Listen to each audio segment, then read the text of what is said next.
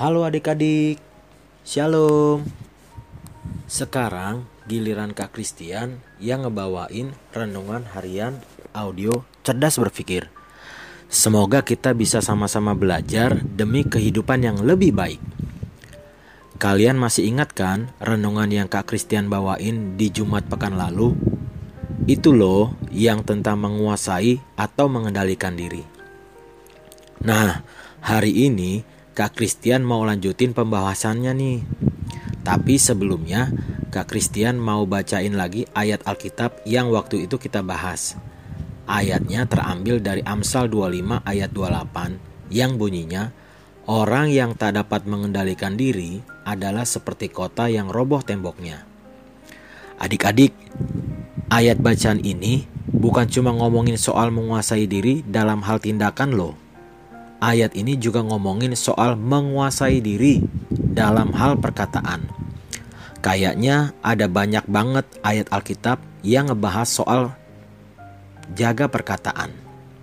Misalnya aja yang terdapat dalam 1 Petrus 3 ayat 10 yang bilang gini, Siapa yang mau mencintai hidup dan mau melihat hari-hari baik, ia harus menjaga lidahnya terhadap yang jahat dan bibirnya terhadap ucapan-ucapan yang menipu. Tentu masih banyak lagi contohnya ya. Nah, kalau kita nggak bisa menguasai diri dalam hal menjaga perkataan, itu bisa sangat membahayakan, kayak kota yang roboh temboknya. Bisa berbahaya bagi orang lain, sekaligus berbahaya buat kita juga. Berikut ini Kak Christian kasih beberapa contohnya ya. Yang pertama, kabar gosip, hoax, fitnah, dan lain sebagainya. Wah, ini sih bahaya banget. Kalau hoax, suatu wilayah bisa terjadi kerusuhan yang parah banget. Kalau begitu, banyak pihak yang dirugikan kan? Dan faktanya nih, kabar hoax kayak gampang gitu tersebar. Makanya kita kudu hati-hati. Oh iya, perkataan dusta atau kebohongan juga bisa sangat membahayakan. Kalau kebohongan pertama sudah dikatakan, maka ia akan mengadakan kebohongan kedua untuk menutupi kebohongan pertama, dan begitu aja terus-menerus. Dan cepat atau lambat, kebohongan tersebut akan terbongkar. Kalau itu terjadi, pandangan orang terhadap si pelaku kebohongan jadi buruk. Dia jadi susah dipercaya oleh orang lain. Kakak cuma mau ngingetin aja nih, Amsal 12 ayat 22 bilang seperti ini. Orang yang dusta bibirnya adalah kekejian bagi Tuhan tetapi orang yang berlaku setia dikenannya. Selain itu, perkataan kotor dan kasar juga sangat membahayakan loh. Perkataan kasar atau kotor, apalagi memaki, bisa membahayakan. Bagi kita yang mengeluarkan kata-kata tersebut, itu tidak bikin kita lebih baik. Emang sih kayaknya lega aja gitu. Tapi itu cuma sementara aja. Suasana hati kita tidak lebih baik. Ditambah lagi, lama-lama kita akan terbiasa bicara kasar atau kotor. Bagi orang lain yang mendengarkan perkataan tersebut, suasana hatinya bisa jadi malah buruk. Dia akan terbawa emosi negatif kan? Hmm, nggak baik aja dampaknya. Efesus 4 ayat 29 bilang gini, Janganlah ada perkataan kotor keluar dari mulutmu, tetapi pakailah perkataan yang baik untuk membangun di mana perlu supaya mereka yang mendengarnya beroleh kasih karunia. Perkataan lain yang bisa membahayakan adalah tidak bisa menjaga rahasia.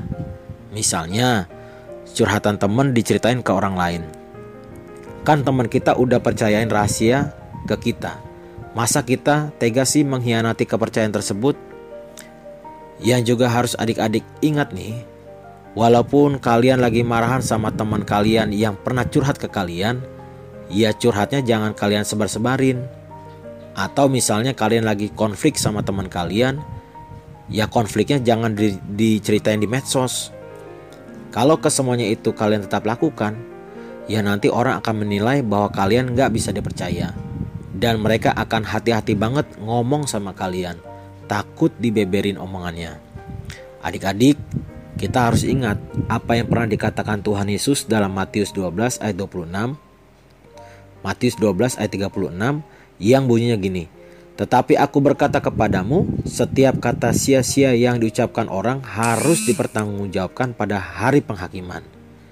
Jadi, ayo kita sama-sama mengendalikan perkataan. Susah sih ya, tapi kita pasti bisa. Yuk kita berdoa. Tuhan Yesus, terima kasih buat renungan pagi hari ini. Engkau mengajarkan kami, mengingatkan kami untuk menjaga perkataan kami, menjaga lidah kami agar yang keluar dari perkataan kami, lidah kami adalah perkataan yang membangun, kata-kata positif yang membawa dampak yang baik bagi orang yang mendengarkannya. Mampukan kami ya Tuhan, supaya kami mengeluarkan perkataan yang baik, bukan perkataan yang buruk. Di dalam nama Tuhan Yesus, kami sudah berdoa dan mengucap syukur. Haleluya. Amin.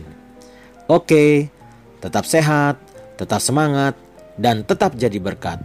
Jangan lupa bahagia ya. Tuhan Yesus memberkati. Dadah.